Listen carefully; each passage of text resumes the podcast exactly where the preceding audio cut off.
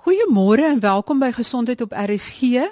Ek sit vandag op Woester en wel by Dr. Fransja Kutse en hy is verbonde aan die departement van huisartskunde by die Universiteit van Stellenbosch, maar hier op die Woester kampus. Dr. Kutse, vertel ons bietjie meer van wat julle op hierdie kampus doen. Ek is betrokke by die opleiding van finalejaar mediese studente hier op Woester kampus. Die studente het die keuse in hulle 5de jaar om dan hulle hele 6de jaar te spandeer hier op Woester kampus waar hulle blootstelling kry aan al die kliniese domeine soos chirurgie, interne psigiatrie, pediatrie, ortopedie en ook verloskunde en ginekologie. Ek is hoofsaaklik betrokke by die reël van die evaluasies sowel as uitreike na van die ander kleiner hospitale. Dokter Kutse, wat behels huisartskunde? Wat behoort 'n goeie algemene praktisyn of kom ons noem hom dan 'n huisarts te kan doen? Huisartskunde is gekoppel aan primêre sorg en ook die sorg van families. So huisartskunde se klem is op die pasiëntgesentreerde sorg van mense in die konteks van hulle families maar ook in hulle gemeenskap. Ons wil op 'n vroeë stadium al studente aanmoedig om hulle sorg te baseer op wat pasiënte benodig, maar ook hulle behoeftes in ag te neem en weier te kyk as net die siekte toestand, maar ook die siekte ervaring na te kyk en en te sien hoe hulle die persoon kan help in steede van net die persoon reg te maak. Sal dit dan ook in 'n mate voorkomende sorg insluit. Ek wil amper sê die bestuur van 'n sekere siekte toestand sodat die pasiënt so gesond as moontlik kan bly. Verseker. Dit is baie belangrik om genoegsame inligting aan die pasiënt te verskaf sodat die pasiënt 'n goeie besluit kan maak. En as ons praat van inligting verskaf, dan sluit dit in al die moontlike opsies ten opsigte van die ondersoeke en die behandeling wat moontlik is vir die pasiënt. En so word 'n verhouding gebou met die pasiënt en die pasiënt raak deel van die span wat besluite neem oor hy of haar gesondheid of sy of haar se gesondheid. Een van die belangrike redes hoekom ek hierdie onderhoud doen, is omdat die huisarts in die Suid-Afrikaanse konteks en selfs in die buitelandse konteks die belangrikste eerste stop vir elke liewe pasiënt moet wees. Die neiging is daar dat baie pasiënte regstreeks na hulle spesialiste toe gaan, maar dan beteken dit dis gefragmenteerde sorg en mens moet by een plek en by een dokter uitkom wat eintlik alles van jou af weet. Is dit ook hoe julle benadering is?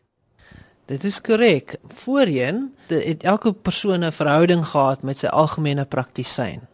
Nou is dit redelik moeilik in hierdie konteks wat ons sorg baie meer onder druk is weens die toename in die bevolking en dat ons teen tyd werk. Veral in die publieke sektor is dit moeilik om 'n verhouding te bou met 'n pasiënt. Alhoewel ons baie graag voortgaande verhoudings met pasiënte wil bou, is dit dikwels moeilik. Die klem is nou om pasiëntgesentreerde sorg te beoefen En die rol van die huisarts, veral in die publieke sektor, is baie meer oorsigtelik oor die gesondheidsdiens om te sien waar ons dit kan verbeter. En um in die privaat sektor is dit ook gekoppel aan pasiënt sorg in verhouding bou. En ons hoop in die toekoms dat met die nasionale gesondheidstelsel dat meer van die privaat sektor betrokke sal wees en sal help om die pasiëntlading minder te maak in die publieke sektor. Daar is weliswaar 'n verskil tussen 'n dokter wat verder spesialiseer in huisartskunde, soos wat dokter Kutse gedoen het, en 'n algemene praktisyn. Ons fokus nou eers op die spesialisrigting huisartskunde. Wat is die rol van 'n huisarts in die publieke sektor, die openbare sektor, met ander woorde in staatshospitale, staatsklinieke vir pasiënte sonder mediese fondse. Die rolle sluit in die voorsiening van mediese sorg.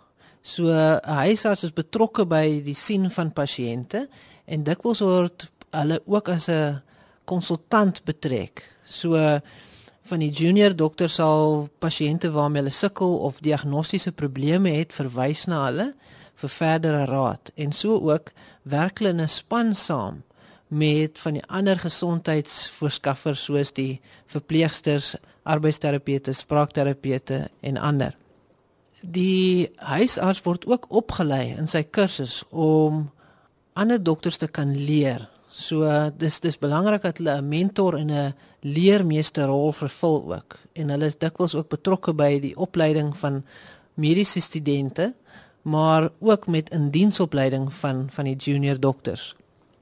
Nog 'n belangrike funksie van ehm, 'n um, huisarts is as bestuurder en toesighouer. So hulle speel 'n rol in die uh, reël van vergaderings wat die diens van die fasiliteit herëvalueer en waar insidente bespreek word en oplossings gesoek word, maar ook om kwaliteitsverbetering mee te bring in die fasiliteit. daarmee saam het hulle ook 'n rol as 'n gemeenskapsgeoriënteerde praktisyn om verder te kyk na patrone van siektetoestande om agter te kom hoekom 'n sekere siektes meer prevalent in 'n gemeenskap en watter oplossings hulle daarvoor kan vind. En in die private sektor, kan jy net vinnig sy rol daar opsom? So in die private sektor, huisartskunde is in 2007 as 'n spesialiteit erken deur die Gesondheidsberoeperaad. En op hierdie stadium as jy nou die huisartskunde kursus voltooi na graads en jy gaan werk in die privaat sektor, gaan jy so baie goed gekwalifiseerde algemene praktisyn werk. Jou rol verskil nie veel van 'n gewone algemene praktisyn nie, maar jy gaan beslis meer vaardighede hê. Wat is die verskil tussen 'n huisarts spesialis en 'n internis. In die publieke sektor sal 'n huisartskunde spesialis funksioneer by 'n distrikshospitaal. Dis van die kleiner hospitale byvoorbeeld soos Ceres of Mamasbury waar daar nie departemente is nie. En hulle sal 'n oorsigtelike rol speel en bestuursrol sowel as opleidingsrol en dit was betrokke wees met die verwysing van pasiënte na groter hospitale waar daar departemente is. 'n Internis is betrokke met die hantering van alle siektes wat nie operasies benodig nie. Ja, dit is hoofsaaklik hulle rol. Kom ons kom weer terug by die opleiding in huisartskunde. Kan jy so 'n bietjie meer verduidelik wat hierdie opleiding behels? Om Huisartskunde te studeer beteken jy voltooi eers jou mediese graad, doen jou 2 jaar ehm um, huisdokterskap en dan 'n jaar gemeenskapsdiens en dan kan jy deel raak van die nagraadse kursus wat 4 jaar duur in huisartskunde. En by Stellenbosch Universiteit vind meeste van jou opleiding plaas by 'n distrikshospitaal waarby jy ehm um, inkom vir kontaksessies by die Universiteit van Stellenbosch. Die uh kwalifikasie is sedert 2007 as 'n as 'n spesialiteit erken. So jy kry dan die geleentheid om as 'n spesialis aangestel te word in die um, publieke sektor. Nou die opleiding sluit in 'n oorsig oor al die mediese domeine. En en dit sluit nou in al die um algemene rigtings, so chirurgie, interne pediatrie, psigiatrie, verloskunde en ginekologie maar sowel as ook van die uh spesialiteitsrigtinge soos oorneus en keel, oftalmologie en dermatologie, sowel as ook kroniese siektes, HIV en tuberkulose ook en ook vrouesorg. Die kursus het ook dan 'n 12 weke module oor konsultasievaardighede as ook onderrig en leerbeginsels as ook familiegeoriënteerde primêre sorg en leierskap en bestuursvaardighede. Baie dankie. Dit klink nou baie interessante, maar 'n baie omvattende kursus. Dokter Kutse, kan jy dalk 'n paar probleem siektes of simptome uitlig waaraan pasiënte beslis aandag moet gee en beslis 'n dokter moet gaan opsoek en 'n algemene praktisyn ook baie duidelik aandag aan sal gee? Van die probleme wat ons algemeen sien, is is probleme soos hoofpyn, buikpyn, hoes en laringpyn en daar's sekere rooi vlaggies wat 'n persoon moet bekommerd maak en seker maak dat hulle vinnig by 'n dokter of 'n hospitaal kom en dan sal die dokter ook dringend aandag aan hulle gee. Hoofpyn is 'n baie algemene klagte en ehm um, daaronder sien ons dikwels mense met spanningshoofpyne, migraine en troshoofpyne of cluster headaches. By die spanningshoofpyn is dit dikwels ehm um, soos 'n band wat om jou kop is en is dikwels uh, 'n drukkende pyn gekoppel aan spanning en dis mense weet gewoonlik hulle uh, ervaar baie stres en dan volg spanningshoofpyn. Waar migraine dikwels kloppend is en een kant van die kop is en dikwels saam met braking gaan of narheid en daar's gewoonlik 'n sneller wat dit ontlok. Waar troshoofpyn dikwels 'n mans kom wat in 'n middeljare is en dan vir 'n paar maande aan een vir 'n paar ure dag aankom. So dis meer van die meer algemene hoofpyn wat nie nie so kommerwekkend vir ons is nie. Maar die kommerwekkende tekens of simptome is as iemand nou vir die eerste keer 'n baie baie erge hoofpyn kry en wat dit saamgaan met braking en dit erger raak met tyd en nie reageer op 'n pynstiller nie. As iemand 'n hoofpyn het wat saamgaan met erge koors of hulle is baie akuut siek en hulle het algemene swakheid of 'n baie stywe nek, dan is ons bekommerd oor 'n meningitis en dan wil ons so gou as moontlik behandeling begin. En enige hoofpyn wat saamgaan met swakheid of verlamming van 'n ledemaat moet ook dringend aandag kry. So ook ehm um, hoofpynne wat erger raak met hoes of 'n verandering in posisie enige persoon wat ehm um, alle eind weg is in swangerskap na 20 weke in swangerskap wat hoofpyn het moet ook aandag kry. En natuurlik mense wat hoofpyn kry na erge hoofbesering of wat voorheen kanker gehad het, moet ook aandag kry. So in die persoon wat kwai hoofpyn het met swakheid of verlamming van 'n ledemaat, sal mens nou dink aan 'n beroerte. En iemand wat 'n erge hoofpyn het met wat vererger met hoes of met veranderinge posisie dink mense dat daar ehm um, dalk verhoogde druk in die brein is en daar kan verskeie redes daarvoor wees. Net so iemand wat 'n erge hoofpyn het na 'n hoofbesering of wat vinnig aankom en baie baie erg is kan mens dink aan 'n breinbloeding. So as ons kyk na buikpyn die een ding wat ons altyd wil uitskakel is is appendisitis So daar's 'n paar dinge wat mense laat dink aan appendisitis. So dis 'n persoon wat aptydsverlies het, um, hulle kan braking ook hê, maar dit is dikwels moeilik om die diagnose te maak. En daar's 'n paar dinge wat mense laat wonder, maar as jou buikpyn nie opklaar na 'n tyd nie en jy het koors saam met dit, dan is dit beter maar om 'n dokter te sien en om seker te maak. Daar's 'n paar ander oorsake van buikpyn wat mense bekommerd maak, soos jy 'n klipharde buik het of wat skielik opset of groter raak, dan moet mens seker maak daar's nie 'n vorm van obstruksie nie. As jy buikpyn het en jy's erg geelsigtig of jy het koors, moet jy ook 'n dokter gaan sien en en seker maak daar's nie dalk 'n hepatitis of 'n ander probleem nie.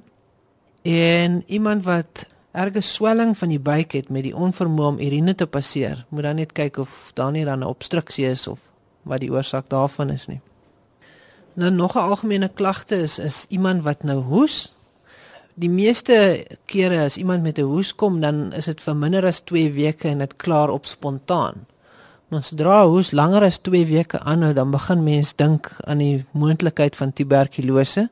En veral as hoes langer as 8 weke duur, en dit gepaard gaan met gewigsverlies, ehm um, geweldig baie spietum wat uitkom of klein stukkies bloed en aptydverlies, dan moet mens definitief 'n tuberkulose uitskakel. Ander moontlike oorsake van 'n hoes wat nou langer as 8 weke duur, kan asma wees. Mens kan dit net ondersoek. Moontlikheid van hartversaking en as daar geskiedenis van rook is, dan moet mens ook dink aan 'n moontlike longkanker. Dan nou vinnig net oor lae rugpyn. Weereens algemene klagte by ons en dikwels sien ons mense met meganiese rugpyn. So dit beteken jy het ongewone oefening gedoen of jy het swaar opgetel en jy het 'n spier seer gemaak en jou rug is nou net nie gelukkig met met wat jy gedoen het aan hom nie. En dit klaar gewoonlik binne 2 tot 6 weke op. Maar nou 'n rugpyn wat nou langer as 6 weke aanhou, moet mens nou begin dink om te kyk of daar enige ander oorsaak is. En 'n paar van die red flags of rooi vlaggies soos ons noem, as mens nou kyk na 'n persoon wat langstaande rugpyn het, maar saam met gewigsverlies, moet mens nou gaan kyk na moontlike oorsake van ook moontlik tuberkulose of dit daar is anderste by die rug aan die gang is. Ons raak ook baie spesieus as iemand jonger as 18 jaar of ouer as 50 jaar skielik rugpyn kry sonder 'n um, verklaring daarvoor. Net so ek iemand met langstaande rugpyn wat saamgaan met koors of gepaard gaan met iemand wat HIV het en 'n rugpyn het of as iemand probleme het met urinering wat gepaard gaan met hulle rugpyn. So as jy nie meer beheer het oor die urinering nie of jy sukkel om urine te passeer, dan moet mens gaan kyk of waar nie 'n senuwee gedruk word of iets is wat die blaase funksie belemmer nie. Enige rugpyn wat gepaard gaan met sensasieverlies of verandering in in krag van die bene, dui ook dikwels aan dat daar 'n probleem is waarna ons aandag moet gee. En in ouer mense, as iemand bekend is met osteoporose en hulle het geval, dan wil ons ook 'n ekstra neem om seker te maak daar's nie 'n wervel wat wat 'n fraktuur gehad het nie. Goed, en dan kan ek net laasens dalk vinnig gesels oor borskaspyn. Dit is dikwels 'n kwellende simptoom en ons is altyd bang dat dit 'n hartaanval kan wees. Maar daar sekerre kenmerke wat aandui dat dit 'n groter kans is vir 'n hartaanval. So die tipiese hartaanval of pyn wat ontstaan as gevolg van te min bloedvoorsiening na die hartspier So pyn wat sprei af van die linkerarm of op in die nek en dit gaan dikwels gepaard saam met oefening. En die persoon het het erge pyn wat dikwels lei tot braking of hulle kan sweet. En dis nie iets wat verlig met 'n disprin of met gewone pynstillers nie. Alhoewel aspirien deel is van die akute behandeling um, wat kan help met die oplos van 'n bloedklont ander aspekte van borskaspyn, as dit nou saam met borskaspyn saamgaan, kan dit ons baie bekommerd maak as iemand kort asem is en hulle het borskaspyn. Dit kan aandui op 'n oorsaak wat of van die hart of van die longe afkom of as uh, dit ehm um, erger raak sonder enige verligting net so ook as die borskaspyn gepaard gaan met duiseligheid en ehm um, afname in bewussyn. Baie dankie. So daar's baie duidelike aanwysers oor wanneer jy 'n dokter moet opsoek of wanneer dit nie so gevaarlik is nie. Maar kom maar liefs by jou algemene praktisyn uit. Dokter Kutsie, 'n ander baie algemene klagte wat mense oorkla is moegheid. Nou hoe weet mens wanneer moegheid iets meer beteken as net bloot dat jy meer slaap nodig het? Die eerste vraag is slaap jy genoeg? Daar is baie oorsake vir moegheid, maar om te begin, 'n gesonde lewenstyl is is belangrik om te kyk na. So dit beteken genoeg slaap, genoeg oefening en dan ook te kyk na jou slaaphigiëne as jy sukkel om te slaap. Ons raak bekommerd oor moegheid as dit gepaard gaan met 'n um, aptydsverlies sowel as 'n um, onverklaarde afname in gewig dit is nie ongewoon om moeg te wees na jy 'n erge griep of 'n verkoue gehad het nie. Dit vat dikwels 'n lang tyd vir jou liggaam om te herstel daarna. En as mens onder baie spanning is, kan dit ook uh, bydra tot moegheid. Nog algemene oorsake sluit in as jy kwai bloedsverlies het. Dit kan nou wees na trauma of indien persone langstaande menstruasie het en meer as gewoonlik bloedverlies het, dan kan hulle anemies raak en dan ysteraanvulling benodig. Maar soos ek sê, moegheid saam met gewasverlies is dikwels iets wat ons bekommerd maak. As iemand hipotiroïed is, dan kan dit beslis lei tot moegheid. Ons sal in die proses tiroïedfunksies doen om seker te maak dat die tiroïedfunksie normaal is. Dit gaan dikwels gepaard saam met gewigstoename ten spyte van normale aptyd en eetlus. En ons sien dit dikwels in mense wat ehm um, hulle middeljare bereik. Daar's baie wanpersepsies onder die publiek oor sekere siekte toestande. En een daarvan is dat antibiotika nodig is vir byna enige soort siekte. Is dit 'n probleem dat pasiënte baie keer onnodiglik aandring daarop dat 'n dokter antibiotika moet voorskryf al is dit 'n siekte wat nie deur antibiotika behandel behoort te word nie? Dit is ongelukkig so. Ons het net nou 'n bietjie gesels oor hoes. So een van die algemeenste oorsake van 'n hoes is 'n bronkietis en dit is 'n virusinfeksie van jou lugweë wat nie antibiotika benodig nie. Maar nou uh, kom die pasiënt by die dokter en hulle betaal 'n konsultasie vir en hulle wil nie met leë hande uitgaan nie. En nou word die dokter genoodsaak om antibiotika voor te skryf, want dan is hy nie 'n goeie dokter as hy nie dit voorskryf nie. So dit is ongelukkige probleem baie van die toestande, veral van die boonste lugweginfeksies, word deur virusse veroorsaak wat glad nie reageer op antibiotika nie.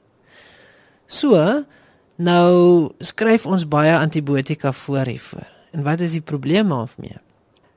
Die gevolg is dikwels dat dit weerstandigheid kan meebring want ons skryf nou antibiotika voor vir toestande wat dit nie nodig het nie en bakterieë raak gewoond daaraan. Op 'n ander vlak is dat dit die koste van mediese sorg baie opstoot.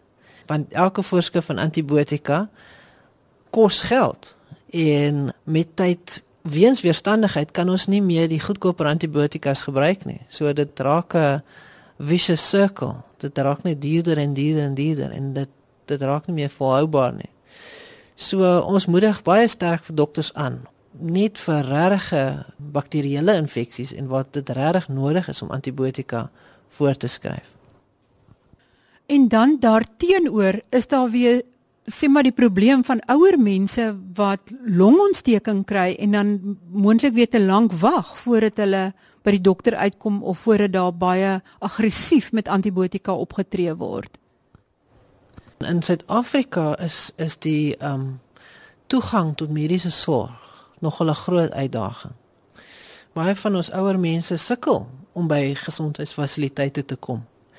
En daai vertraging van die diagnose maak lei dikwels toe dat die toestand erger word en dat hulle baie siek is teen die tyd wat hulle aankom en hulle antibiotika kan kry.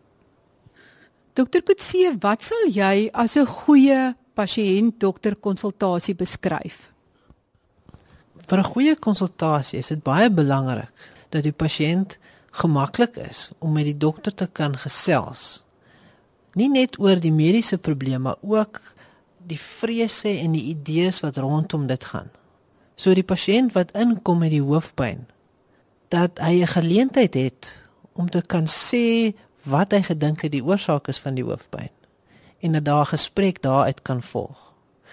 Want as ons praat van die siekte toestand, dan praat ons net oor die probleem wat dit nou is en wat die dokter dink dit is. Maar as ons praat van die siekte ervaring, dan is dit alles wat gepaard gaan met daai hoofpyn. So dit dit beteken die die dag wat die persoon moet afvat van die werk af en die bekommernis van die moontlikheid om probleme te ontwikkel met sy werkgewer wat nou bevraagteken of hy werklik siek is of nie en alles wat hy daar rondom ervaar dan verder in in 'n goeie konsultasie dan sal daar 'n punt kom waar die dokter al sy bevindinge kan opsom en met die pasiënt gesels oor wat hy bevind het en wat sy idees rondom sy probleem is. Byvoorbeeld, meneer, ek dink jou hoofpyn is as gevolg van hierdie en hierdie redes. Ek oorweeg hierdie opsie ook en ons kan hierdie ondersoeke doen om seker te maak daarvoor. Ons hoef byvoorbeeld nie 'n scan te doen nie want jy het nie een van die rooi vlaggies nie. So dit gee die pasiënt die geleentheid om deel te raak van die gesprek, maar ook om te verstaan hoe die dokter dink oor sy toestand en waar volgens hy besluit te neem. En dan moet daar 'n tyd kom waar die pasiënt en die dokter onderhandel oor wat die volgende stappe gaan wees. So, kom ons probeer hierdie behandeling en ons kyk na 'n paar dae of dit verbeter en as dit nie verbeter nie, dan kom sien jy my weer, byvoorbeeld.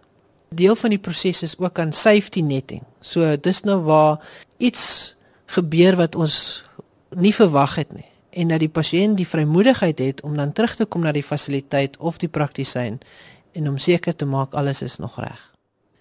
Maar nou wil ek jou iets vra want baie pasiënte dink dat as die dokter eers met een behandeling begin en dit werk aan nie en dan oorskakel na 'n ander een, dat dit is omdat hy eintlik nie weet wat aangaan nie.